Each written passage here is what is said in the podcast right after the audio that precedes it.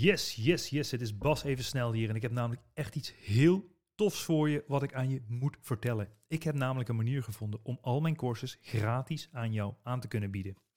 Ik heb meer dan 54 miljoen euro omzet gedaan in de e-commerce. Dus van wie leer je nou liever? Een guru die een auto huurt in Dubai of iemand die meer dan 10 jaar winstgevend is in de e-commerce?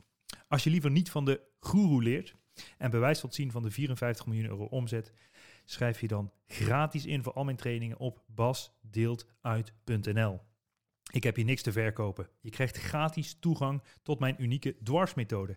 Al mijn e-commerce courses, gratis 1 op 1 coaching en een gratis ticket voor het e-commerce kickstart event waar ik jou alles van A tot Z ga uitleggen hoe jij een succesvolle e-commerce business kan gaan opzetten.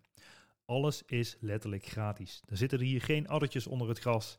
Dit wordt namelijk mogelijk gemaakt door een subsidie die jij ook geheel gratis en kosteloos kan aanvragen. Je hoeft zelf niks voor te schieten en normaal kost dit pakket 2000 euro.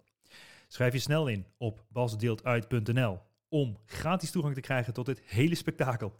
Ik zeg veel plezier met het luisteren van deze podcast en tot snel. Ciao, ciao.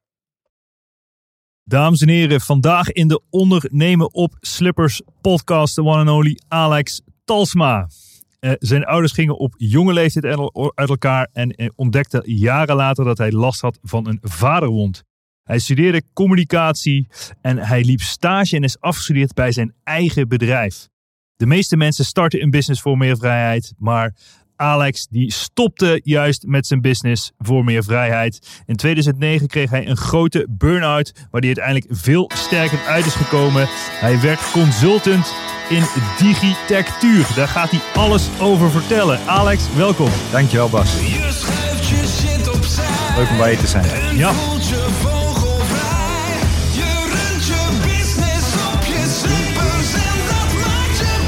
Zo vaak gehoord en ik zal ik meezingen, dat doe je dan toch niet, hè? Ja, heel Nederland kunnen meezingen. Ja.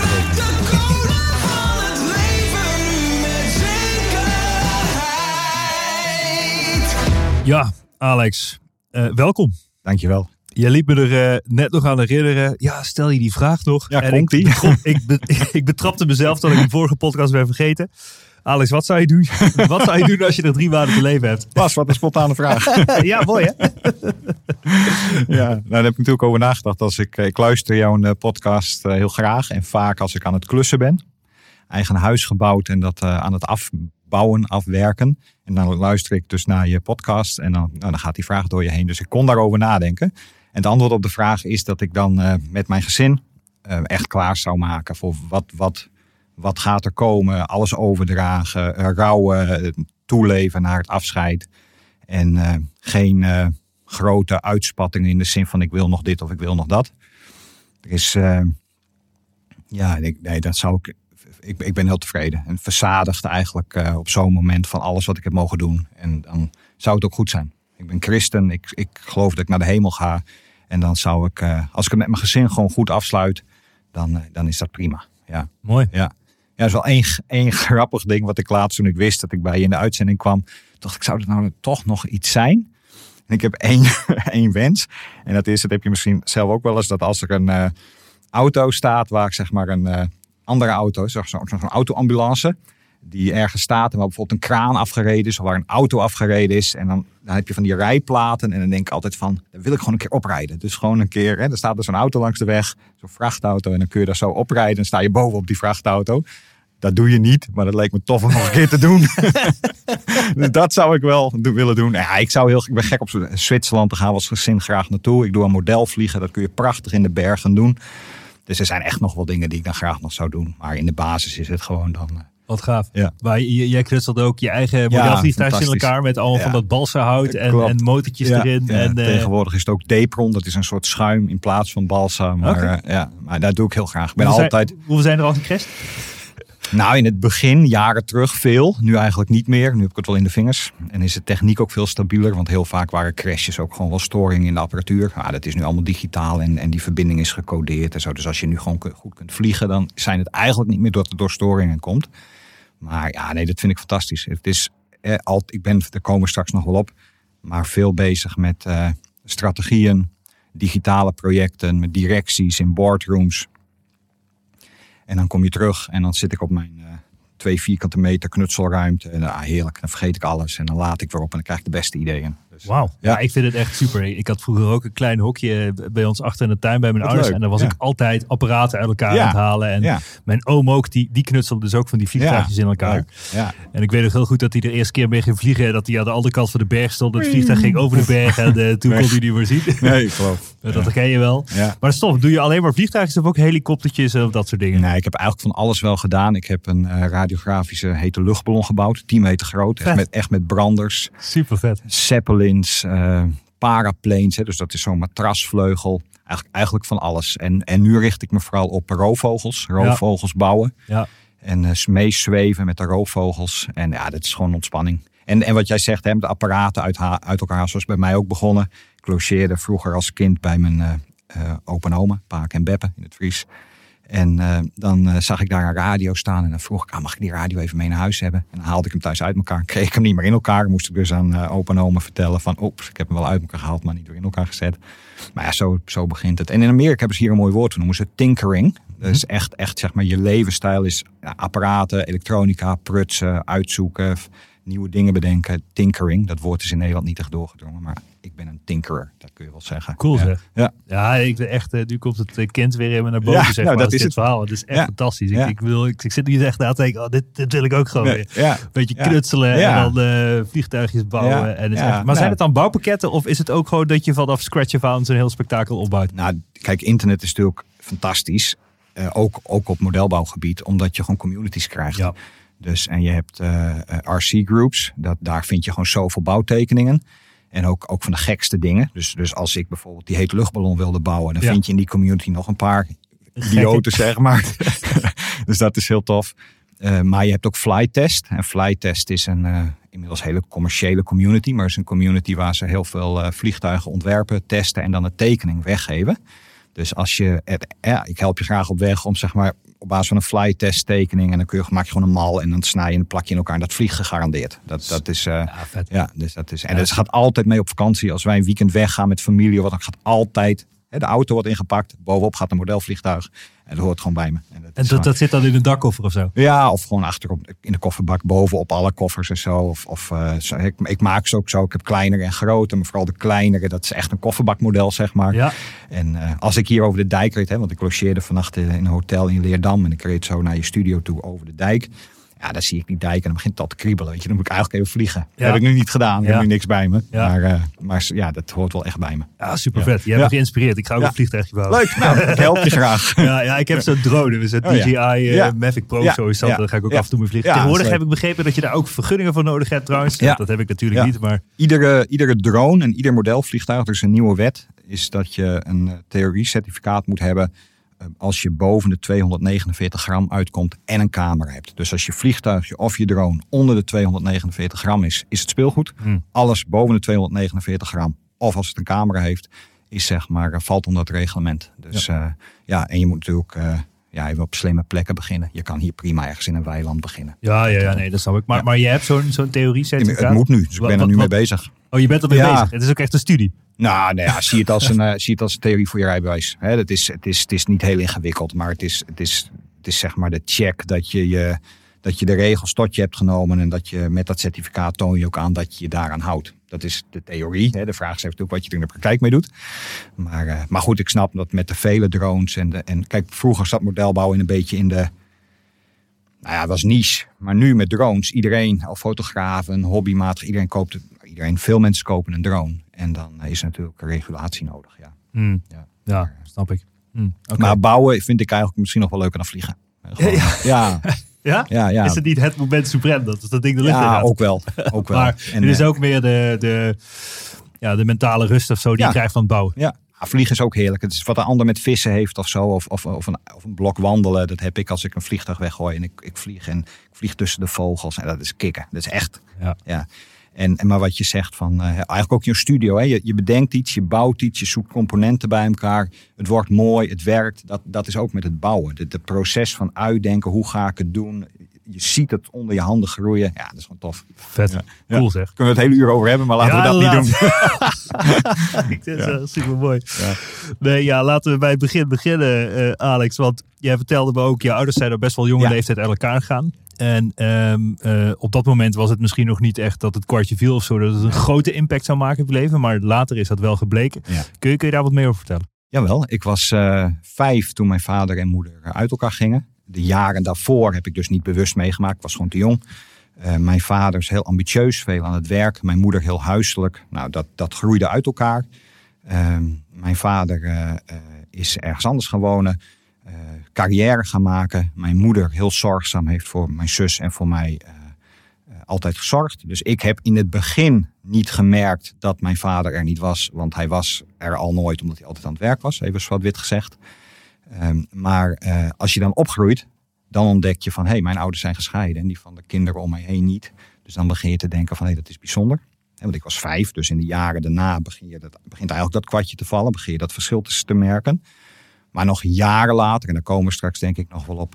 kwam ik er echt achter van wat de impact is van als je vader afwezig is in je opvoeding. En, en in, in je identiteit en in je bevestiging. En, en dat, hoe dat ook ondernemerschap raakt. Ja. Ja, en ik zie het heel veel om me heen. Ik zie Ja. ook als je ouders niet gescheiden zijn, zie ik heel veel mensen die eh, handelen eh, onbewust eh, vanuit de relatie met hun vader. En ik, en ik vind dat dat te weinig aandacht krijgt. Dat dat eigenlijk in ondernemerschap en in persoonlijke ontwikkeling weinig aan bod komt. Ik ben het althans nooit tegengekomen, terwijl ik er veel naar gezocht heb. En eh, eh, ja, dus ik, ik zei ook tegen je van het is goed om daar ook over te hebben. Want ik denk dat het voor heel veel eh, ondernemers speelt. Ja. Ja, wauw. Ja. Wauw. Ja, ik geloof er ook heel erg in dat, dat, dat jou je vroeger bent opgegroeid. En dat vooral dat onbewuste wat je als kind hebt meegekregen, zeg maar, dat dat ongeveer een soort van patroon is wat de rest van zijn leven zich een beetje Ja. voortzet. En als Ja. daar, er zitten Ja. natuurlijk heel veel goede patronen in, maar er zitten waarschijnlijk ook een aantal patronen in die jou zo hebben gemaakt als, als persoon zoals je nu bent. En eh, ja. Ik vind het heel interessant. Laten we daar nog wat langer over goed, door, eh, doorbomen. Als we op dit topic eh, uitkomen. Ja. Maar goed, je, eh, op een gegeven moment ben je gaan studeren. Ja. Eh, eh, waar, waar ben je opgegroeid? Ik ben opgegroeid in Friesland. Ja. Eerst, eerst in een dorpje vlak buiten Leeuwarden. Menaldum heet dat dorpje. Oké. Ehm, daarna naar Bolsward. Bolsward is een van de elf steden. Toen voor mijn studie, daar heb ik een hele mooie middelbare schooltijd gehad. Eh, maar daarna voor mijn studie naar Leeuwarden. Daar ook met mijn vrouw gaan wonen. En gestudeerd. Mijn vrouw ook in Leeuwarden. Communicatie. Ja, toen begon het eigenlijk. Want al vrij snel eh, werd duidelijk dat ik op mijn communicatieopleiding heel veel eh, digitale kennis en, en liefde voor multimedia had. Dus ik kreeg heel veel vrijstelling eh, op die opleiding. Dat gaf me heel veel tijd. Toen ben ik mijn bedrijf begonnen. Digital Emotions. Dus, dus met digitale techniek emotie overbrengen. Wat natuurlijk belangrijk is in een communicatieboodschap. Mhm. En ehm, ja, dat, dat, dat, dat, daar begon het ondernemerschap. Daar kwam dat bloed er zeg maar uit. En, en dacht ik van, hé, hey, als ik nou stop met werken bij een computerwinkel waar ik werkte. Dan eh, eh, ga ik eh, voor, in dat, voor dat geld PowerPoint-presentaties maken. CD-ROM-producties had je toen nog. Websites kwamen langzaam op. Ik dacht, oh, dan verdien ik veel meer dan bij die computerwinkel. Nou ja, zo is het gegaan. Ja, wauw. Ja. En die opleiding communicatie, daar fietste je zo doorheen? Of, Eigenlijk wel. ja. Ja, ja. En dan nog, eh, nog een ruig eh, studentenbestaan gehad? Of, eh, Nee, wel een mooi, mooi studentenbestaan. Ik, heb, eh, ik, ik had vroeg verkering met mijn vrouw. En wij hebben eh, samen gewoon een mooie tijd in Leeuwarden gehad. Heel even los van elkaar gewoond. Toen samen gewoond. Ja, Leeuwarden is, is gewoon een heerlijke stad. Ehm, we hebben daar een mooie tijd gehad. Een beetje studentenleven. Geen, geen ruige feesten. Geen, eh, geen gekke dingen. Maar een mooie tijd. Achteraf had ik, had ik wel als ik het overnieuw zou kunnen doen, was ik graag naar Barcelona of zo gegaan om, om, om daar te studeren. Hè. Met de kennis van nu denk ik, god, dat was wel de mogelijkheid om eh, eh, nou, toen al wat van de wereld te zien. Hè. Nog geen gezin, geen hypotheek, geen. Dus achteraf denk ik, goh, nou, dat, daar had ik wel wat meer eh, uit de band willen springen. Maar niet qua ruige feesten of relaties of, of helemaal niet. Nee. mhm. Nee, nee. Grappig zeg. Ja. Ja, voor Friesland is ook best wel mooi. Ik heb eh, kennissen wonen in eh Goutum. Ken je Ja. dat? Dat is een Ja, klein vlakbij. Leeuwarden. Ja, vlakbij Ja. Leeuwarden. Ja. Dus, Ja, leuk. Leuk man. Oké, maar na je opleiding dacht je, nou, het is tijd om een. nou, nee, eigenlijk tijdens je opleiding dacht je, het is tijd om een, een business te starten. Ja. Laat ik gewoon stage gaan lopen en afstuderen bij mijn eigen business. Nou, het, ging, want, eh, het, het ging eigenlijk zo dat ik, dat ik een, in begin tweede jaar begonnen. Vrij snel door van dit is, dit is leuk en dit is, dit is kansrijk. En laat ik proberen om niet te hoeven solliciteren. Laat ik gewoon proberen dat ik straks geld kan verdienen uit mijn bedrijf. Maar ja, dan, dan komt eerst komt het stage lopen en daarna komt het afstuderen. En de stage lopen hebben we met een creatieve constructie gedaan. Dat ik een website maakte voor een bedrijf. En dat bedrijf dat betaalde mij gewoon. Maar op papier leek het alsof ik daar stage liep. Terwijl ik gewoon thuis zat. En ik had een studentenkamer van, nou, een kleine studentenkamer. Bureau in het midden ene deel voor de bank was zeg maar studentenkamer, deel achter de bank was kantoor. Dus dat was, uh, was een mooie tijd. En uh, dat, was, dat was stage lopen. En dat, nou ja, dat kneep de opleiding, zeg maar, uh, de leiding kneep een oogje toe.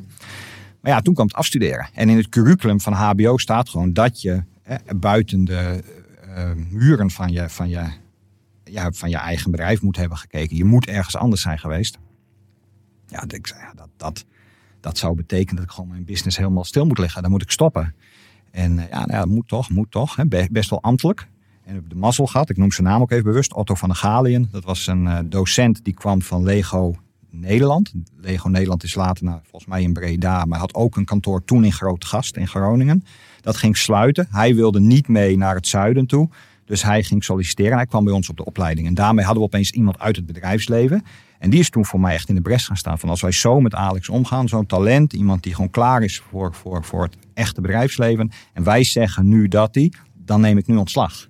Kijk, en, en, en daardoor was ik, oh nee, dat moet niet. En toen hebben we een vorm gevonden dat ik kon afstuderen bij mijn eigen bedrijf. De opdracht was toen dat ik personeel aan ging nemen en financiering ging regelen. Dat was zeg maar mijn afstudeeropdracht. En er moest dan nog voor de, voor de nou ja, om aan de regeltjes te voldoen, moesten we nog iemand hebben die mij kon begeleiden. vriend van mij, zijn vader, was net uh, met pensioen gegaan, maar die was docent en die had de bevoegdheden. Dus op papier was dat mijn, mijn, mijn afstudeerbegeleider. Nou, ik geloof dat ik één keer een kop thee met hem gedronken heb. Dat, dat, dat was echt puur theorie. Maar goed, het was wel, daarmee was het wel geregeld. En toen kon ik na mijn opleiding direct door met mijn bedrijf. Dus ja, prachtig mooi. En destijds was het de eerste keer, de primeur in Nederland. Ik weet niet of dat nog zo is, maar toen was stage lopen en afstuderen. Ja, dat was uniek. Ja, dus dat is leuk. Ja. ja. een vriend van mij, misschien ken je hem, Thijs Lindhout. Die heeft ook een bekende podcast. En hij zegt ook altijd, ik ben Koen Fraude afgestudeerd. dus dit, dit, is wel een mooi verhaal. Ja, zo ongeveer, ja. Die had ik nog niet gehoord, maar dat, dat zo ongeveer. Ja, ja. ja. lachen wel. Ja, Ik wil, uh, ja. mooie tijd. Maar toen maakte hij dus websites bij de eerste business. Ja, websites. Uh, je had toen nog uh, kabelkranten. Hè. Bedrijven hadden lokale omroepen. En, en sommige bedrijven hadden al een hotels en zo. Die hadden op een hotelkamer. Dat je als je dan hem aandeed, dan, dan kreeg je daar je eigen uitzending. Dan noem je dan een kabelkrant. Tegenwoordig noem je dat narrowcasting of digital signage. Ja. Waar ik nog steeds middenin zit. Maar uh, dus dat soort oplossingen maakten we. CD-ROM producties, interactieve software. En later kwam echt de golf van internet. Toen brak internet echt door. Maar ik ben echt wat dat betreft aan de, aan de ja, toen internet opkwam, toen waren wij uh, daar, zaten we daar al volop in. En echt een kind van de internetgeneratie ben ik, kun je wel zeggen. Ja, ah, mooi. Ja. Mooi zeg. Ja, heel leuk.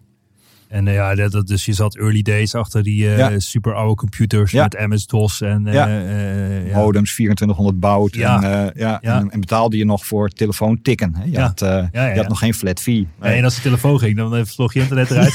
ja, of je was de hele tijd in, in gesprek en dan zei je moeder van, van Alex, ik wil nu bellen. En dan, ja. ja. mooie tijden waren Ja, was gaaf om zo te beginnen. Ja, ja. En, en, en hoe heeft die business zich geëvalueerd en, en wat ben je daarna gaan doen, zeg maar? Nou, Digital Emotions was echt een studenten-startup. Ik kwam jongens tegen uh, die uh, in Enschede gestudeerd hadden. Die kwamen terug naar Friesland en die hadden ook een studenten-startup. Wij zijn gefuseerd tot Vincis. Uh, Vincis van convince, overtuigen. Hm. overwinnen met je communicatieboodschap. En wij hadden een content management systeem gemaakt. En daarmee kregen we echt enorm de wind in de zeilen. En nu is WordPress en alle andere content management systemen, dat is, dat is natuurlijk nu standaard. Maar toen was dat nieuw. Dus heel veel provincies, gemeenten, uh, ministerie van Binnenlandse Zaken, uh, voetbalclubs, grote waterschappen, grote organisaties die met elkaar aan een website wilden werken, die bedienden wij. En het was heel succesvol. Alleen het was alleen maar internet. En ik miste dat multimediale, die elektronica, dat, dat, dat, dat de combinatie van online en fysiek. Dus toen heb ik een overstap gemaakt in 2005 um, naar een audiovisueel bedrijf. En, en daar heb ik twee jaar uh, toen zeg maar helemaal de audiovisuele kant. Dus eigenlijk wat hier nu ook op voor je studio staat. Hè, alle, alle techniek. En, en, en het was toen echt op het moment dat die analoge techniek allemaal digitaal werd. Dus fantastische tijd. Ja. Hè, qua, qua, qua apparatuur en qua ontwikkelingen. Dat heb ik twee jaar gedaan. En toen merkte ik van ja, ja, ja, ja, ja nu mis ik weer online. Dus, dus toen heb ik weer een nieuw bedrijf gestart. En dan komen we uit in 2009. En in 2009 kom ik mezelf echt goed tegen. Want al die functies die ik had gehad. Dus eerst Digital Emotions, later bij Vincis, later bij het audiovisuele bedrijf, weer later bij het multimedia bedrijf Speak, wat overigens nog steeds bestaat. Uh, ik was altijd de commercieel directeur. En ik voelde me eigenlijk gekooid.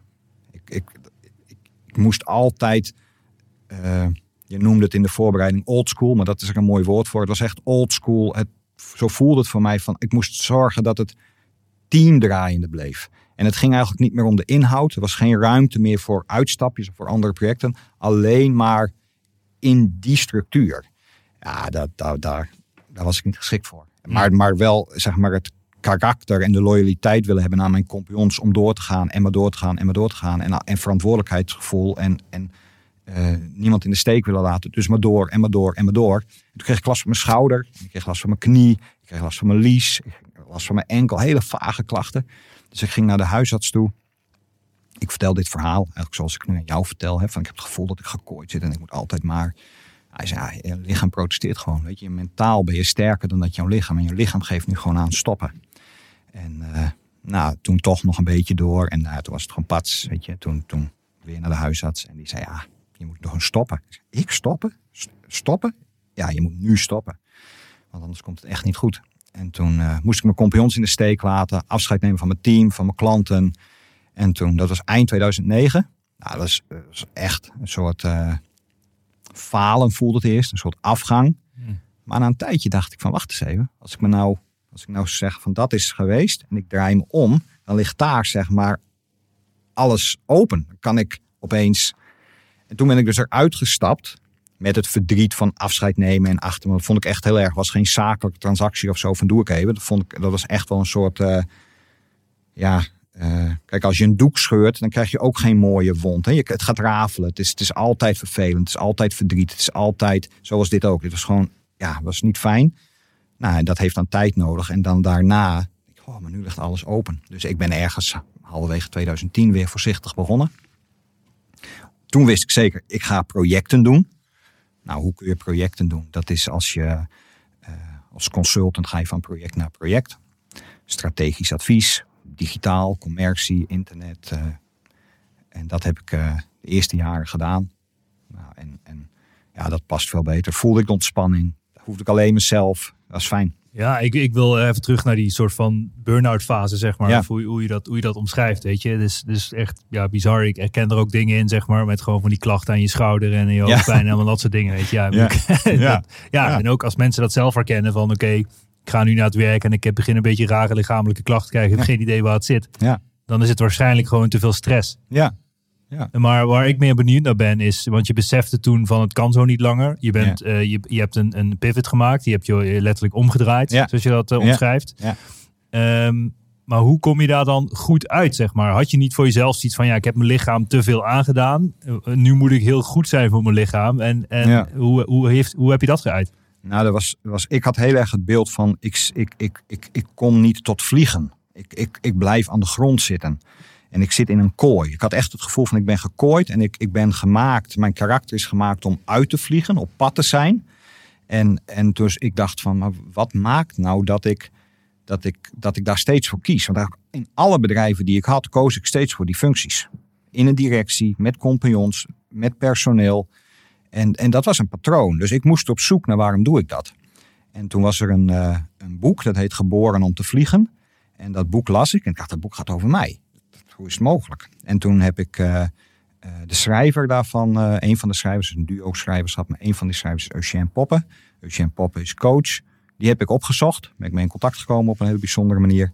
En ja, daar veel gesprekken over gevoerd. En, en, en, en ja, eigenlijk proberen te doorzien van wat deed ik nou steeds. En dat, dat wil ik niet meer doen. Heel veel wandelen heel veel, ik weet nog dat ik in die tijd heel veel lunchafspraken met mensen uit mijn netwerk ging maken. Hoe kijk jij ernaar? Wat vind jij, waar, waar vind jij mij op mijn plaats? En, en uh, wat zou ik niet meer moeten doen? Wat zou ik wel moeten doen? Dus eigenlijk een soort cirkel om me heen van, van begeleiding. En daar ontstond ook al vrij snel een accountant uh, destijds. Hij is niet meer accountant, maar destijds was het mijn accountant. En daar gesprekken mee gevoerd. En, en die zei al vrij snel van je kunt ons wel helpen. En uh, toen dacht ik, oh, dan kan ik gewoon een project doen. Dat is leuk. En dan zie ik daarna wel weer. Nou ja, zo kwam van het een het ander. Dus gaandeweg ben ik daar zo weer uitgegaan. Ja, mooi zeg. Ja. Het is ook, zie je het ook zo dat hoe ouder je wordt, uh, hoe beter je je eigen handleiding leert kennen. Waardoor je aan de hand van je eigen handleiding de beste keuzes kan maken. Kan ik dat zo zien of niet? Ja, maar dan moet je dus zeg maar wel de mindset krijgen dat je die handleiding wilt gaan lezen, om het zo maar te zeggen. Dat je, dat je er werk van wilt maken. En dat betekent ook dat je patronen in jezelf ontdekt. Die denk ik heel veel mensen gewoon uit de weg gaan. Want het vraagt gewoon wel moed als je daar naartoe wilt. Uh, in, in mijn geval kwam ik uit bij, uh, bij, bij wat ik mijn vaderwond ben gaan noemen. Hè, want je noemde al in de inleiding hadden we het ja. over dat mijn ouders gescheiden zijn. En achteraf kan ik zeggen, ja, het, is, het heeft niet zozeer mijn leven getekend dat mijn ouders gescheiden zijn. Het heeft mijn leven getekend dat mijn vader aanwezig was. En dat mijn relatie met mijn vader niet. Uh, ik heb hè, mijn vader leeft, hebben gewoon contact. En, en, maar het is, het is niet de, de vaderrol waar je als zoon. Uh, die je zoon nodig hebt om bevestigd te worden, om gezond in de wereld in te komen. En het heeft. Ik heb altijd gedacht van als ik maar niet naar dat verdriet toe hoef. Als ik maar niet daarmee bezig moet zijn.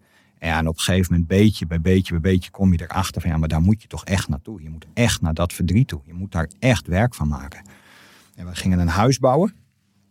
Nog niet zo lang geleden is dat, dus ik maak nu even een beetje een sprongetje in de tijd vooruit. Maar we gingen een huis bouwen. En tijdens dat bouwproces moet je heel veel keuzes maken. En eh, wat voor hout, wat voor vloer, wat voor dit, wat voor zus, wat voor zo. En ik kwam erachter dat ik gewoon zoveel twijfel had bij het maken van keuzes. En toen ben ik naar een psycholoog gegaan. En uh, ja, toen moest ik met haar echt naar die vaderwond toe. Ja, en, en dat is net als een burn-out. Als je er vlak voor zit, denk je, oh, als me dat maar niet overkomt. Maar als je erop terugkijkt, zeg goh, wat ben ik blij dat het gebeurd is. Omdat het een soort, ja, game change, ja, dat is niet helemaal het woord. Maar het is een soort game change, een, levensverandering. En uh, uh, ik noemde al even in mijn inleiding dat, dat ik ben christen. Dus het ging ook heel erg gepaard met bijbelezen, met, met gesprekken met andere christenen. En, en wat, wat voor plek neemt dat dan in? En dus zeker je handleiding gaan ontdekken en onderkennen dat ik in mijn geval echt een vaderwond heb. Dat er echt een verdrietig klein jongetje altijd naast mij was. Hij is er nog wel, maar nu is hij wel getroost. En dat jongetje, dat kleine, die kleine Alex, die was niet getroost. Die, daar is nooit aandacht voor geweest. Dus alles wat ik deed als volwassen man, was een kleine Alex naast die verdrietig was. En die, die, die speelde er altijd doorheen. En ik moest dus terug en dat onderkennen. Ja, dat was. Uh, maar achteraf ben ik blij wat het gebeurd is. Want, want, want dat geeft zo'n vrijheid. Maar je moet daar doorheen. Ja. Wauw, ja, ik, poeh, ja, ik haal, het, het, is, eh, ja, ik haal er veel inspiratie uit ook, weet je. Het is ook het lef hebben om er terug naar te gaan. Ja. Uh, de, letterlijk de, de wond die eigenlijk niet geheeld is, nog verder open te trekken ja. om vervolgens ja. helemaal te helen. Ja, ja zo is het. Uh, zo is het. Dus, dus het is ook, was je bang dat je vader, want op een gegeven moment ben je je vader gaan benaderen, neem ik aan. En heb je het gesprek aangegaan, om nee, het zo maar te zeggen? Nee, niet? Nee, mijn vader... Nee, er is nog niet een situatie geweest dat ik dit echt met mijn vader kan bespreken. Mm. Mm. Uh, heeft ook met zijn gezondheidssituatie te maken. Daar ga ik nu maar verder niet op in. Maar, maar nee, dat gesprek dat is lastig. Uh, maar het is, het is wel zo dat daarna. Kijk, ik heb altijd van mijn vader gehouden. Uh, en en dat, is, dat, dat is er nog steeds. Hè? En, en dus wat dat betreft zit er wel een soort. is er nog wel een soort mooie verbintenis. Alleen de tijd die achter me ligt. En waarin je vormt en waarin je identiteit ontwikkelt. En waarin je bijvoorbeeld je eerste keer liefdesverdriet, je eerste keer scheren. Je eerste keer dat je gewoon denkt, ik weet het niet meer. Ja, dan wil je graag dat je vader er is. En ik ben gezegend met een hele sterke, stoere vrouw. Die, die, die, die, die mij gewoon heel erg heeft geholpen. Ik heb uh, uh, aan Eugène, een hele goede coach. Uh, zeker in die tijd gewoon heel veel gesprekken gevoerd om rustiger te worden. Uh, maar uh, nee, dus de oplossing zat niet echt in de gesprekken met mijn vader. De oplossing zat in dat ik het gewoon ging onderkennen. En wat misschien wel leuk is om te vertellen. Toen ik midden in dit proces zat, en dat is nog niet eens zo lang geleden. Toen uh, zat ik in de auto terug van Amsterdam naar Friesland. Ik reed binnendoor, dus niet over de Afsluitdijk, maar door de polder. En ik reed ergens ter hoogte van nou, Lelystad, daar ergens op de A6. En toen was ik aan het luisteren naar een lied van Harry Jekkers op, op Spotify. En dat lied van Harry Jekkers, dat was afgelopen. En dan komt Spotify kwam, kwam eigenlijk gewoon met suggesties. En dat was een lied van Bram Vermeulen en dat heet De Wedstrijd. En ik klikte dat aan, want ik dacht dat gaat over voetballen. Niets vermoedend. En ik klik dat aan en dat gaat over de vaderwond. En ik wist niet dat dat lied er was. En nou, je had het over de wond opentrekken. Toen heb ik gehuild, gehuild, gehuild. Toen kwam alles eruit. Mm. En toen heb ik auto aan de kant gezet en, en toen even tijd genomen. En daarna een WhatsApp bericht aan, aan Selma, aan mijn vrouw gestuurd van moet je dit lied horen. Ja, dat was heel bevrijdend. Dus als, als er luisteraars zijn die, die, die nou ja, zich herkennen in mijn verhaal. Dan eh, het lied De Wedstrijd van Bram Vermeulen. Nou, dat beschrijft het precies. Dat, is echt, eh, ja, dat, is echt, dat was echt wauw. Ja. En nu is dat lied. Toen eerst was dat lied zeg maar pijnlijk. Daarna was dat lied. Wauw, er is een lied over geschreven. Dus ik ben niet de enige. Dit is blijkbaar. Dit is gewoon iets in mensenlevens. Dat heeft Bram Vermeulen en dus vele anderen ook gehad. Er is niet veel literatuur over, er is niet veel over geschreven, maar er is wel literatuur over. En nu is dat lied gewoon een mooi lied geworden, wat beschrijft wat er in mijn leven zich heeft voorgedaan. Maar eh, ja, dat is belangrijk geweest, dat lied. En, en eh, ja, dus inderdaad, daar naartoe terug, die handleiding, die wond, die wond opentrekken en die wond die herstelt. En dat kleine jongetje, kleine Alex, ja, die is getroost. Die, die heeft aandacht gehad. Daar ben ik met die psycholoog naartoe teruggegaan. Ja, en dan maak je als man weer veel sterker. En het geeft zoveel ruimte in mijn hoofd, in mijn leven, in mijn, in mijn alles. Ja. Wauw. Ja. Wat voor een tip zou je hebben voor mensen die dit verhaal luisteren en die denken van, holy smack, weet je, ik ken mezelf hier ook wel een beetje Ja. in en misschien moet ik ook wel, maar veel mensen durven het misschien niet om, Nee. eh, om, om, om, Nee. om in ieder geval zichzelf te gaan helen. En, Ja. of, eh, en, Nou ja, weet je, als je een deuk in je auto hebt of je auto is kapot, laat je hem repareren. Als je een probleem met je huis hebt, laat je het repareren.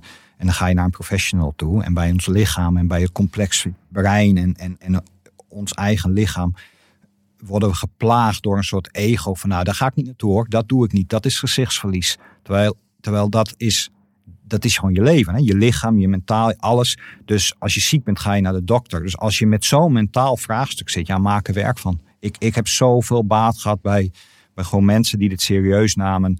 Die, eh, vooral mijn, eh, mijn, mijn psychologe Lia. ehm, ja, die, die, die, die, die weet zo goed. Daar is het niet nieuw voor, zeg maar. En die weet gewoon hoe ermee om te gaan. En daarna stap jij gewoon echt herboren naar buiten. En in mijn geval is dat dan gecombineerd met, met gebed en bezinning. En, maar gewoon dat je maak er wel werk van. Mm. Want je leven gaat door en je kijkt straks terug op je leven en denk je, had ik maar. Dus de tip is eigenlijk, eh, betrek misschien je omgeving erin, stel vragen, zoek mensen die je ermee kunnen helpen. Ja, onderken dat je ermee aan de slag moet en ga Ja. ermee aan de slag. En Ja. dat is dan misschien voor iedereen anders. Maar in mijn Ja. geval was dat met de psycholoog. hè. Ja. En eh, ja, dat is fantastisch. Wauw. Ja. Ja, nou ja, ik kan me voorstellen als je er dan uit bent en je hebt het dan voor jezelf geheeld, of hoe je het ook wil noemen, dat je dan inderdaad dan letterlijk bevrijd bent, ook wat Ja. je zegt. Ja, en ik merk dat ik sterker ben, dat ik makkelijke keuzes kan maken. Dat, ik, dat mensen in mijn omgeving ook zeggen van, eh goh, er is iets veranderd. Dus het is tof. Ja. mooi hoor. Ja. Mooi. Maar dat is dus een hele transitie, weet je. Dus Ja. dat is ook wat ik zei in, in de intro van ja, de meeste mensen die denken ik start een business omdat ik meer vrijheid wil. Ja. En eh, ja, toch op een gegeven moment, eh, jij, je, je noemt het het woord gekooid. eh, of gevangenis, hoe je het Ja. ook, wil, hoe je het ook wil noemen. en je denkt, oké, ik, ik wil helemaal niet hier elke dag een of andere baas lopen ik uithangen of zo whatever het ongelukkig. is. Ik werd echt zo ongelukkig. Ja. Maar ik dacht, mijn vader was altijd commercieel directeur. Dus nu kan ik zeggen van ja, ik wilde gewoon. Ik dacht, als ik dat naleef, dan gaat hij waardering voor krijgen. Dan gaat hij zeggen dat hij van me houdt. Dan gaat hij, en dan gaat dat gat gevuld worden. Dus, dus en ik wist ook niet beter. Hè? Je noemde het old school. Het was ook gewoon wat je om je heen zag. Als je commercieel bent en je, en je wilt ondernemen, dan word je commercieel directeur. Dan, dan is dat je rol in een bedrijf met compagnons en meerdere met medewerkers. Pas later kwam ZZP'erschap. En, en, en toen ik voor het eerst hè, jouw term van hè, ondernemen op slippers. dacht ik, oh, dat is het. Wauw, dat is, ja, is echt. eh, ja. En dan blijkt dus dat, eh, dat er wel mensen zijn die ook die keuzes hebben gemaakt. En eh, die, ja, die slim willen werken in plaats van hard willen werken. En, Ja. en die, heel inspirerend. Ja. Nou ja, het- ik, ik zit, ik zit zelf nu ook al in een bijzonder proces. Ik ben mijn business aan het verkopen en, en ik had een fabriek opgezet en, en allemaal dat soort dingen. Weet je, ik ben ook een beetje aan het dematerialiseren, zeg maar. En, en, en, en niet alleen qua, qua businesses, maar ook gewoon qua alle ballast eigenlijk Ja. die op je schouders ligt. Opschonen, Ja, ja. En, en dat hoor ik in jouw verhaal Ja. ook heel erg terugkomen. Van oké, op een gegeven moment eh, voelde ik mezelf gekooid en ik, ik voelde me letterlijk gevangen. Ja. En, uh, en, en je hebt ook continu die druk op je schouders. En dat uitzicht dan in jouw geval ook in pijntjes en dingetjes. en dan weet je dat het niet goed zit uh, wat je aan het doen bent. Ja. En dan moet je gewoon veranderen. Dan moet je iets, iets veranderen in ieder geval. Kijk, en wat je nu ziet is dat dus in 2010 ben ik weer begonnen. We zijn nu 2021. De afgelopen elf jaar heb ik als consultant in digitectuur. Komen we straks misschien nog even op het woord digitectuur. Maar en wat je nu ziet is dat ik nu vanuit die nieuwe ruimte en dat nieuwe vertrouwen weer ga ondernemen met andere verdienmodellen. Dus ik heb met een collega-ondernemer een softwarebedrijf. Dat, eh, hele mooie software waarmee je interactieve tours als, als museum en als beleefcentrum kunt, kunt, kunt uitrollen. Uh, groeit heel snel, heel erg leuk. Ja, dat, dat, dat, dat is nu met veel meer ontspanning dan dat het vroeger was. Want dan moest het, dan was het ego, dan was het identiteit. Kijk mij eens, ja, dat is er nu niet meer. En een andere klant waar ik, waar ik veel advieswerk voor, voor doe, die heeft mij nu aangeboden om met hem een nieuw bedrijf op te zetten. Ja, dit is gewoon, er ontstaan nu hele leuke dingen. En, en, en, dan, en iedereen weet ook van nou, Alex zit niet meer elke dag bij ons op kantoor. En die is gewoon vanuit zijn eh, huis, en, en ik heb een studio uh, naast ons huis. Uh, die is daar bezig en, en hij is er af en toe. En iedereen weet nu dat ik wil ondernemen op slippers. En, ja. en, en nu kan dat ook. Dus ja. dat, is, uh, ja, dat is heel gaaf. Ja, wauw. Gaaf ja. Ik wilde terugkomen op dat ego wat je net even toch aanstipte, zeg maar stom is dat ik de laatste tijd ook zelf meer bewust mee bezig ben van hoe kan je het ego loslaten. Ja. Uh, en en uh, dat probeer ik zo bewust mogelijk te doen.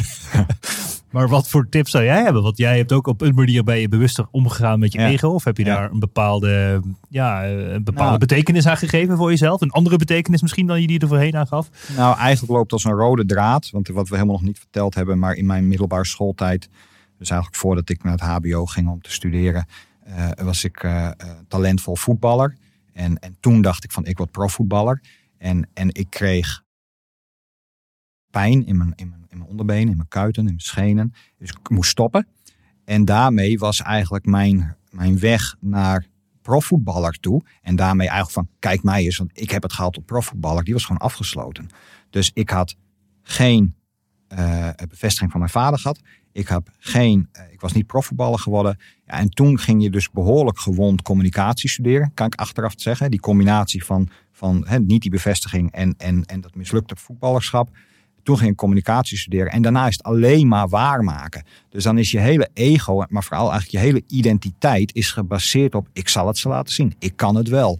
Ja, dat, dat, dat is zo zonde. Dat is zo zonde. En door, doordat je wat, je, wat ik heb meegemaakt, als je daarmee afrekent, dan ontdek je van ja, maar wat, wat is het nou echt? Wat, wat is nou echt voor mij belangrijk? En uh, waar zit dat in?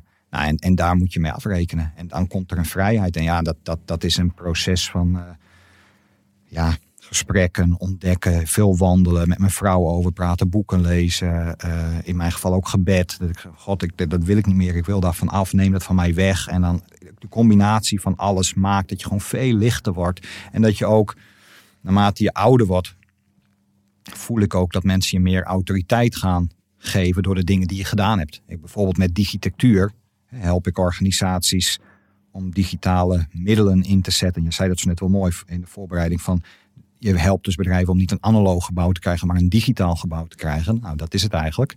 En als je dan ziet dat, dat bibliotheken, bijvoorbeeld de bibliotheek in Den Helder, is de beste bibliotheek van Nederland, mede, niet alleen hoor, maar mede door digitectuur de beste bibliotheek van Nederland geworden. En later de beste bibliotheek ter wereld.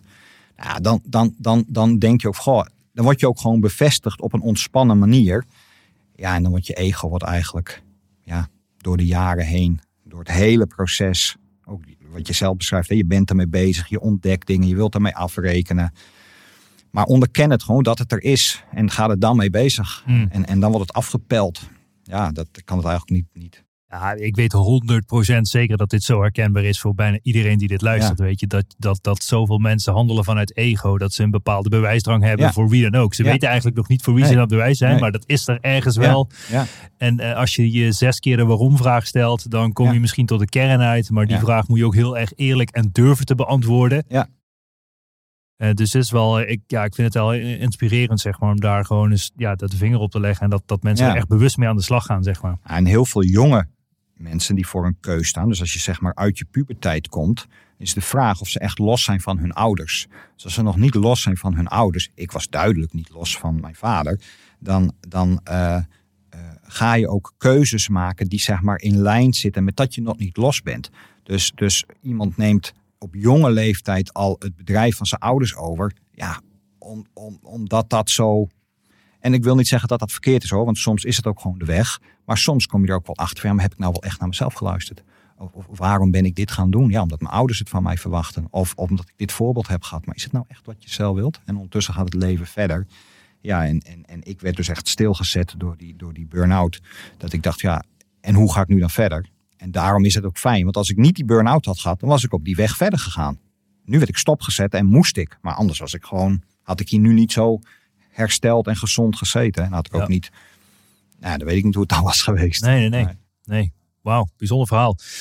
Ja, het is vooral, ik denk dat het een van de belangrijkste dingen is dat je leert leven naar je eigen regels en dat je het 100% doet zoals je het zelf wilt. Want elke percentage dat je je aanpast of een ander petje opzet die je eigenlijk niet bent, nee. kost zoveel energie. En voor de een is dat misschien ook makkelijker dan voor de ander. heeft misschien ook gewoon met, met, met, met aanleg, met persoonlijkheid te maken. Maar, maar ja, ben ik het helemaal mee eens. Als je, als je niet je eigen leven leidt, dan word je eigenlijk een kopie van anderen. Hè. Er zijn al zoveel kopieën, dus ja, probeer je gewoon jezelf te ontwikkelen en, en in die vrijheid te gaan staan. Ja, ja. Wauw. ja. Mooi hoor. Je had het net over die bibliotheek. En daar, dat, is een, dat is een project waar jij in hebt gewerkt. Ja. Uh, en, en je noemt het uh, mooie digitectuur. Ja. Uh, dus je hebt echt mee bijgedragen aan, aan de digitectuur van de bibliotheek. Die later de, je zei dat de beste bibliotheek van ter wereld, ter wereld is geworden. En, en waarom die prijs? Of, en hoe kwam dat? Nou, misschien nog een stukje terug. Hè. Ik begon dus in 2010. Na die burn-out begon ik weer te ondernemen. Eerst bij die accountantenklus en, en, en nog een e-commerce eh, ondernemer geholpen. En verschillende dingen gedaan. Ik, leuk om even kort te vertellen. We waren op vakantie in Lemelen. Daar zit de Lemeler S, hele mooie camping. En ik zei tegen de eigenaresse, midden in de week, en dan was er zo'n wisseling, kwamen er weer nieuwe gasten. Ik zei, nou, het, wordt nu wel wat drukker. En toen zei die mevrouw, ja, maar het is nog niet druk genoeg. Kijk, dat moet je niet tegen mij zeggen. Dus toen ging ik vragen stellen. Toen zei ze wat doe jij voor werk? Dat jij, dat jij dit ziet en dat jij die vragen stelt. Dus toen legde ik uit van, nou, strategie en digitaal en marketing, communicatie. Dus dat valt mij op. Nou, wil je nog eens terugkomen?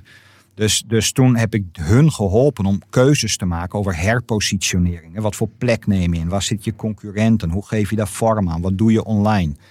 Dat, heb ik, al dat soort projecten heb ik gedaan. Totdat ik een keer gevraagd werd door een architect. Wil jij eens meekomen naar een bibliotheek? Dat was niet de bibliotheek in Den Helder. Maar dat was nog daarvoor de bibliotheek in Nieuwegein. De tweede verdieping. En die zei, die, die directrice, die zei tegen mij van we krijgen een heel mooi gebouw. Maar komen er straks nog wel mensen? Eigenlijk diezelfde vraag van goh, het is niet druk genoeg. Dus, dus toen heb ik hun bevraagd. En toen kwam ik er ook achter dat, dat deze organisatie, maar daarna heb ik nog vele andere gezien, als die gaan bouwen, als die gaan verbouwen, als die gaan nieuw bouwen, dan geven ze tonnen, misschien wel miljoenen uit. Maar ze doen net alsof ze in de jaren 70, jaren 80, jaren 90 zitten en houden helemaal niet rekening met het digitale tijdperk. En in het digitale tijdperk heb je de verbinding tussen online en fysiek. En mensen hebben thuis computers, mensen hebben thuis iPads, spelcomputers. En dan komen ze in de fysieke ruimte. En daar is al dat digitale niet. Dus dan is zo'n gebouw is eigenlijk bij oplevering al gedateerd.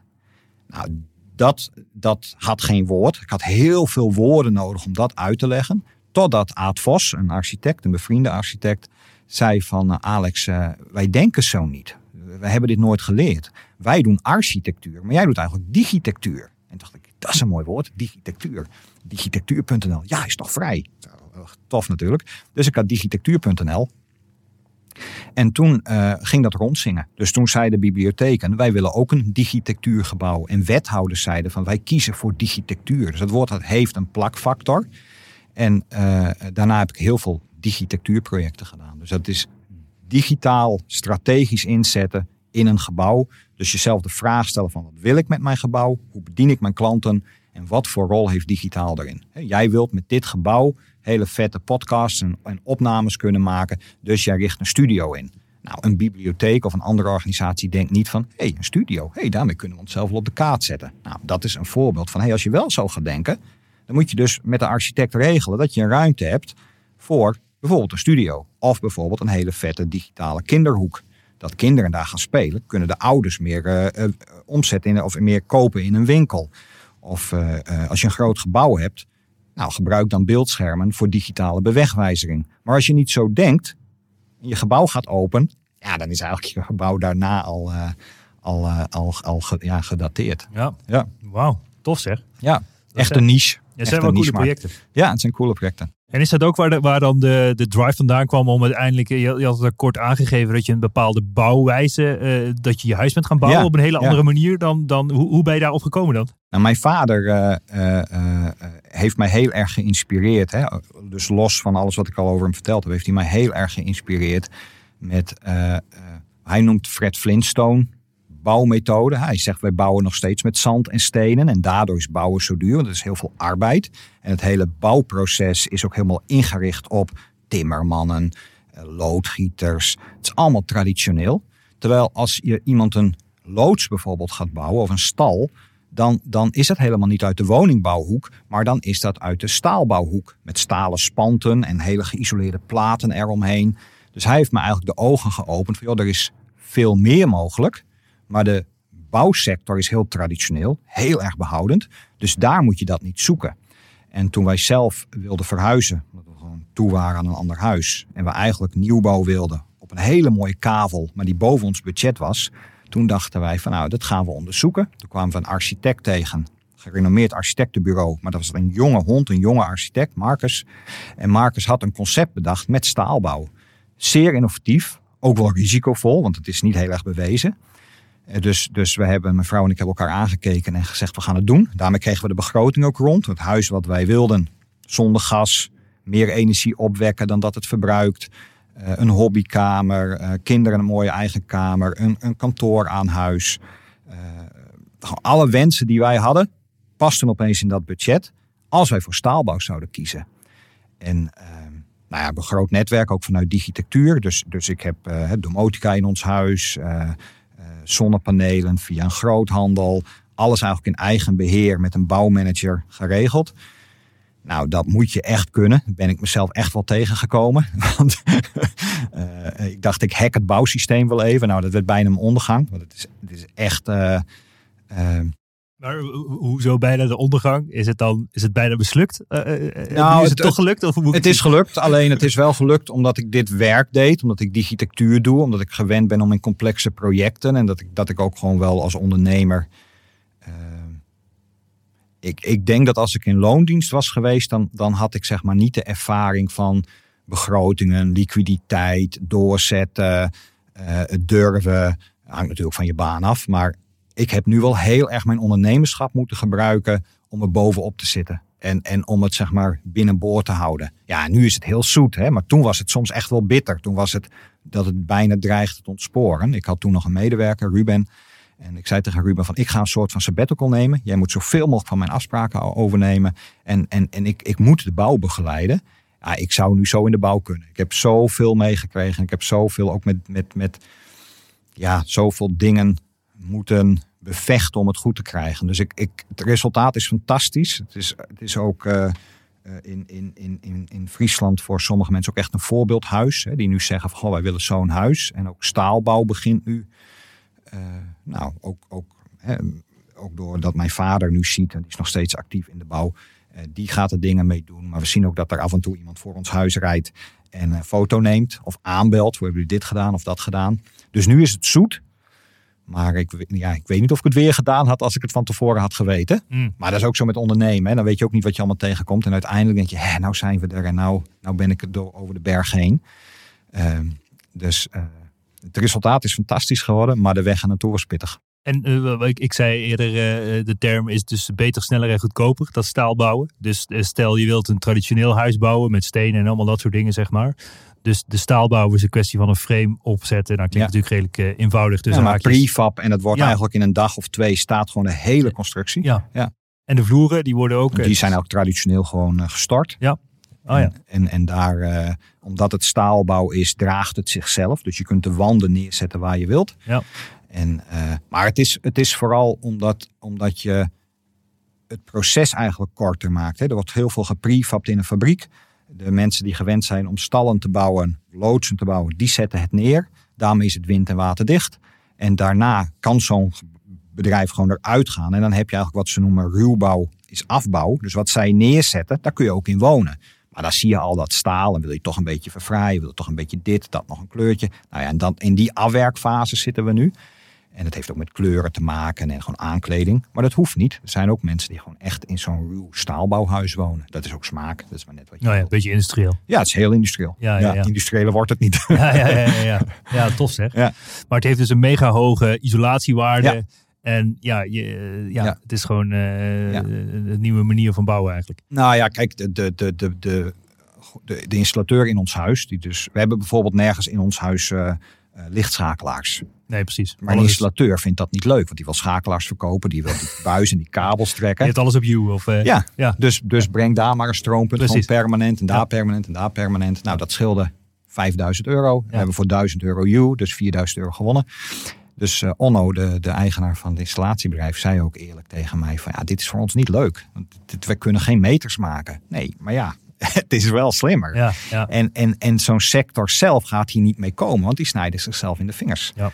En, eh, maar goed, je, het is echt pionieren geweest. En, en pionieren is, is, is natuurlijk per definitie, eh, nou ja, uit je comfortzone, is, is, is, is, is van de gebaande weg af. En is, is, ja, is niet voor iedereen weggelegd. En, Nee, maar als iemand nu denkt van, hey, doe mij ook zo'n eh, staalframe huis bouwen. Hoe, Ja. hoe noem je het? ja. Eh, de- eh, hoe, hoe gaat hij dan beginnen? Of zijn er nu bedrijven die je daarmee kunnen helpen? Ja, of zeg dan- je, nou, dan bel bij even? Als, ja, ik denk dat dat het handigste is. Dat, dat als iemand serieus geïnteresseerd is, dat hij even via alextalsma.nl eh, contact met mij zoekt. En dan, ja, dan moeten we dan even overleggen. Want het, het, is, het is niet, er zijn bedrijven, maar je moet even de weg weten. Je moet even weten wat je wel en niet moet doen. Ja. En, eh, ik heb al overwogen om hier een e-book van te maken. En, Ja. Maar goed, andere prioriteiten. Maar eh, eh, er is gewoon veel over te zeggen. Dus als iemand echt serieus geïnteresseerd is in deze route, weet waar je aan begint. Maar het resultaat is fantastisch. Maar neem dan even contact met me op. Ja. En je had het eerder over de keuzes die je moest maken bij zo'n verbouwing. Ik bedoel, Ja. ik heb ook het nodige verbouwd in mijn leven en dingen gedaan. Ik. Op een gegeven moment werd ik ook helemaal koekoek. Je moet letterlijk elk klinkje, kiertje, plintje kiezen. Wat helemaal gek. Koekoek, dat is wel het woordje wat je ervan wordt. Ja, maar, maar nu, nu gaan die keuzes maken makkelijker of zo? Eh, of hoe moet ik het zien? Of is het gewoon... eh, Ja, het is. Het Je moet die ook met z'n tweeën maken, want je hebt ook... eh, ja, zeker. eh, zeker. ja. Dat, is, dat, is ook, eh, dat is ook waar je elkaar wel tegenkomt. Want op een gegeven moment. Nou ja, ga je best wel diep in zo'n proces. En het business draait gewoon door. En je hebt ook gewoon een gezin waar je voor wilt zorgen. En vervolgens. eh, eh, ja, als je dan, wat je zelf zegt, van als je dan in een hele korte tijd heel veel keuzes moet maken. Maar daar zijn we nu ook doorheen. En we zouden nu ook. Dit is ook een proces waar je niet in geoefend bent. Je hebt dit nog nooit eerder gedaan. Nu weet je wat je anders zou doen. Nu, nu zouden we daar andere afspraken over maken. En stiekem, dat gaan we voorlopig niet doen. Maar stiekem zeggen we wel eens tegen elkaar: zullen we nog een keer? Maar dat, dat, dat, dat denk ik niet. Maar misschien in de toekomst. eh, Bijgebouwtje. ja, Ja, ze ben nu een schuur aan het bouwen als Kijk, bijgebouw. ja. ja. Ja, dus, eh, Ja. Maar ik vind klussen ook leuk. Hè. Dat is natuurlijk een beetje in lijn met mijn model vliegen. Met mijn handen werken. Om, om zeg maar niet alleen in mijn hoofd te zitten. Niet alleen voor klanten strategieën uit te denken. Niet alleen maar in de business te zitten. Maar juist ook om even afstand te nemen. Vind ik het ook fijn om met mijn handen te werken. Mooi. Ja. En je, je had het net ook al mee over dat je, dat je ook wel echt heel enthousiast bent over het ondernemen op slippers principe. Ja, Eh, eh, hoe, hoe ver ben je in die reis, zeg maar? Ben je nu zodanig vrij voor jezelf dat je denkt van nou oké, ik kan nu ook eh, Nee. op Bali gaan zitten? Of, Nee. of, of, Nee. of is het iets wat je dan ambieert om dat wel voor elkaar te krijgen? Of hoe moet ik het zien? Ik zit in het begin van de transitie. Ja. Eh, eigenlijk zou ik over eh, twee jaar of zo hier nog een keer moeten zitten. Omdat wat, wat, wat ik afgelopen tien jaar dus gedaan Dan heb. doen we is- hem in Bali opnemen. Hè? Ja, dat is goed. dat is goed. ja, dat is goed. Dat staat, Bas. Eh, als wij... eh, als ik terugkijk, heb ik tien jaar lang dus projecten gedaan. En dan ga ik van project naar project. En het verdienmodel is dan uren. En ik heb een mooi uurtarief en ik kan mooi mijn uren maken. Maar op een gegeven moment kom je wel gewoon aan je max. Dat voel je. Ik, wat moet ik hard werken en op een gegeven moment ik kan niet meer door. Maar ik kon daar nooit echt woorden aan geven. Dus ik was blij dat ik van die, van die traditionele bedrijfsstructuur af was. Ik vond het heerlijk om projectmatig te werken. Maar ik dacht wel van, joh, ik heb geen handel. Terwijl ik met mijn digitectuur business bracht ik heel veel werk naar leveranciers toe. Dat, ge- dat, dat, dat daar, daar een provisie op krijgen of met hun samenwerken, dat is interessant. Eh abonnementsmodel is interessant. Wat heel vaak in digitectuurprojecten gebeurt. We hebben bijvoorbeeld het Afsluitdijk Waddencenter mogen doen. Op de Afsluitdijk was nooit een plek waar je als toerist kon stoppen en waar je het verhaal van de Afsluitdijk kon, eh, kon horen. Dus de provincie Friesland en Rijkswaterstaat hebben een gebouw neergezet. De exploitant eh, Bert, Bert Kranendonk, die, eh, heeft mij gevraagd, goh, wil je me helpen met digitectuur? Ik vind dat reuze interessant. Die snapt ook goed wat digitectuur is. Dus ik doe heel veel projecten met Bert.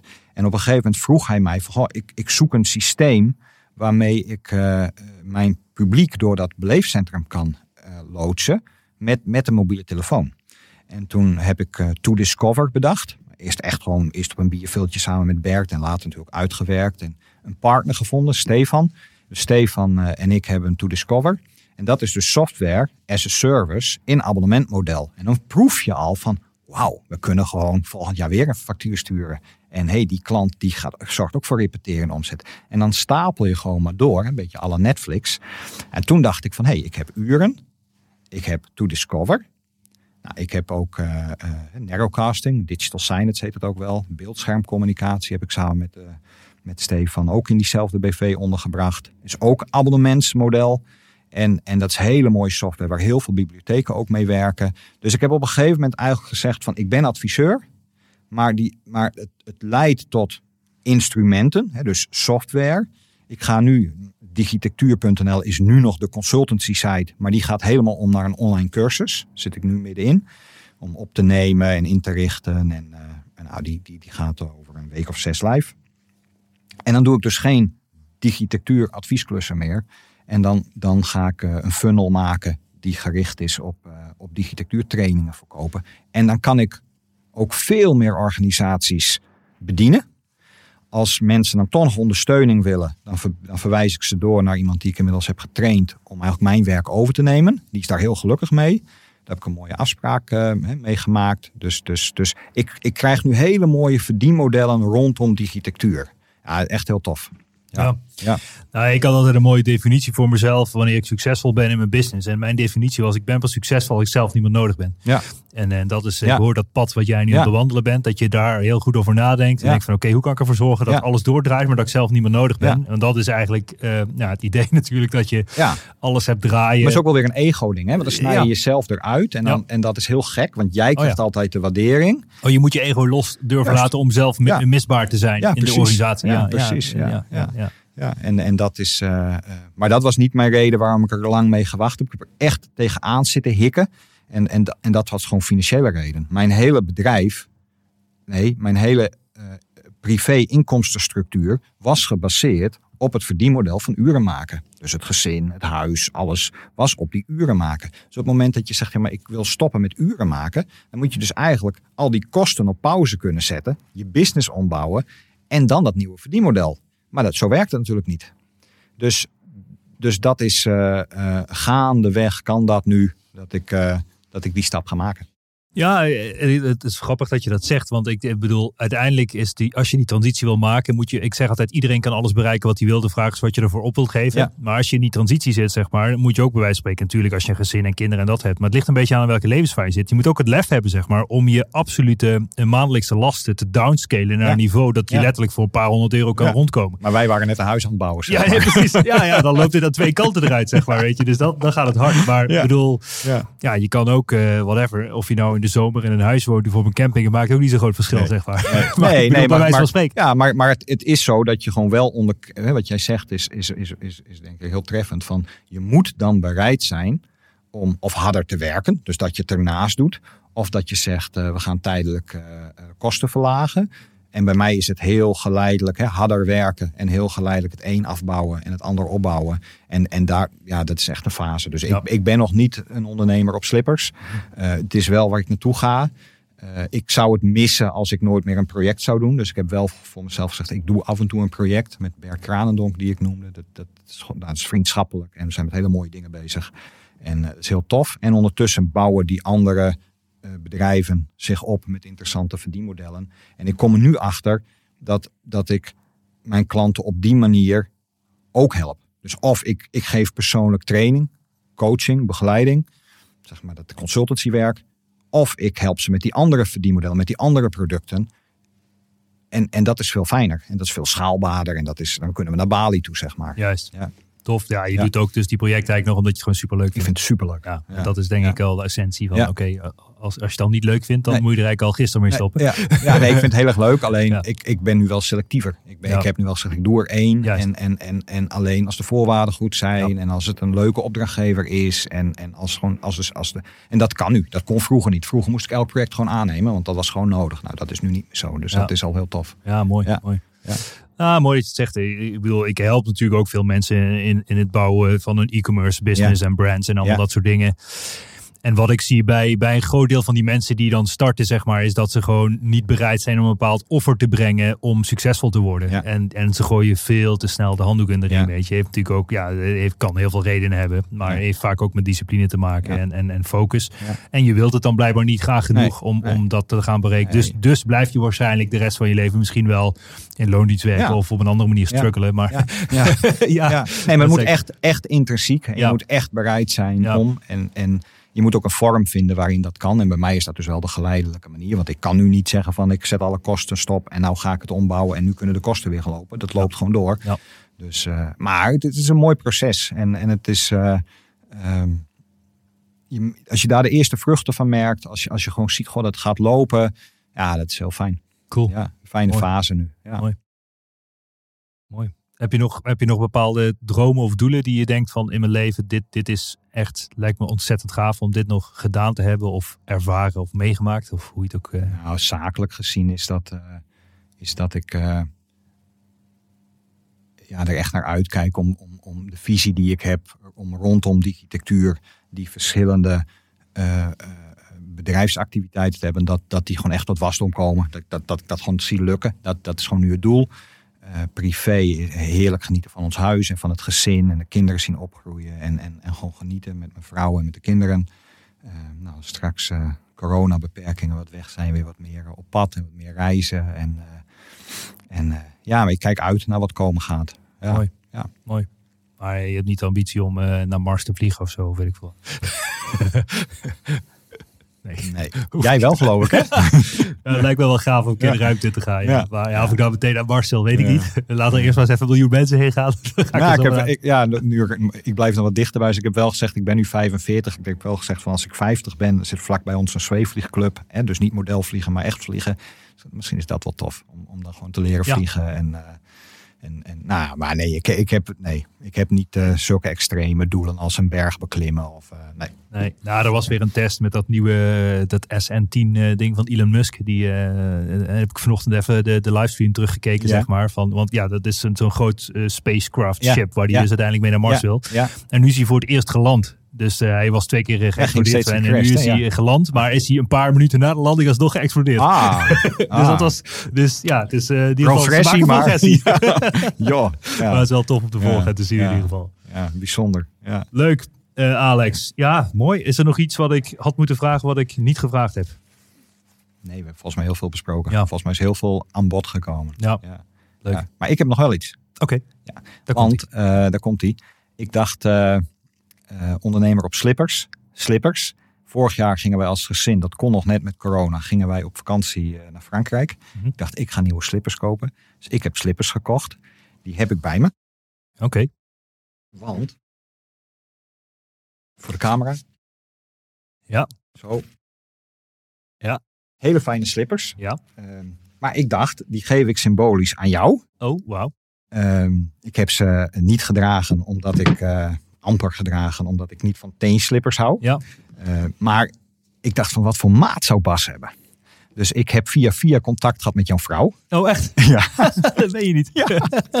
Moest even in mijn netwerk kwam ik uit bij Alex van Ginneken. En ik zei tegen Alex, Ja. weet jij dat toevallig? Ja, Alex ja. is een goede vriend van me. Ja, ja, oh, ja, ja. En eh, Alex zei, ik vraag Claudia. Ja. Dus, eh, dus Claudia zei, nou, bijna al zijn schoenen zijn maat 44. Ja. Dit is maat 42. Dus ik geef je ze wel. Maar ik dacht van, als jij ze nou niet hoeft, dan is het misschien tof om ze eh, symbolisch te geven aan een ondernemer die ook wil ondernemen op slippers. Leuk. En nou, dan moet ze even een mail sturen. Misschien kun je een pagina aanmaken op je website. En Superleuk. Dat, eh, zijn eh, ongedragen. Het zijn tof of bijna ongedragen. Het zijn zo goed als nieuw. Maar wat er tof aan is, is, is dit. Ik zie het. Je Dat kan, zien. je kan biertje open Je kan een biertje of een ander flesje ermee Ja. openmaken. En, eh, maar symboliek, ondernemen op slippers. Heel gaaf, dankjewel. Alsjeblieft. Ik ga ze hier in de trofeekast leggen. Ja, en ik ga, kan ze, ook, ik ga ze mooi doorgeven aan iemand die Ja. eh, ondernemen op slippers. Als jij denkt van dit is wat, eh, Ja. dan... eh, Gaaf, dankjewel. Mooi, eh, heel graag gedaan. Ja, leuk. Tof man. nou, super. Nou, we ronden hem af. Ja, laten we dat doen. Dank voor je komst. Heel graag gedaan. Leuk om hier te zijn. Yes. Bedankt voor het luisteren naar de Ondernemen op Slippers podcast. Check voor meer informatie ondernemenopslippers.nl. Tot de volgende keer. Nou, het is voor het eerst dat de ondernemer op slippers een paar slippers krijgt. van, van Alex Talsma. Ik heb echt genoten van dit gesprek. Ja, heel veel diepgang in over relaties met vader, maar ook mooie business eh, spektakels. Digitectuur, bouwen van, van huizen met staalconstructies. Eh, nou, Alex, nogmaals dank. En eh, tot de volgende keer allemaal. Ciao, ciao. Dit was toch een onwijs gave episode. Laten we eerlijk zijn. Ik vind het onwijs tof. Mocht je nou waarde vinden in deze episodes, check dan ook eventjes mijn LinkedIn, Bas Eurlings. En geef mij gewoon even een persoonlijk berichtje wat je van deze podcast vindt. Nogmaals, ik kan alles gratis aan jou geven. Wil je leren in de e-commerce? Gratis in op één coaching. Gratis e-commerce kickstart event. Ga naar basdeeltuit.nl hoe jij subsidie kan aanvragen door gratis, om gratis toegang te krijgen tot alles wat ik gemaakt heb. Check it out en tot snel. Ciao, ciao.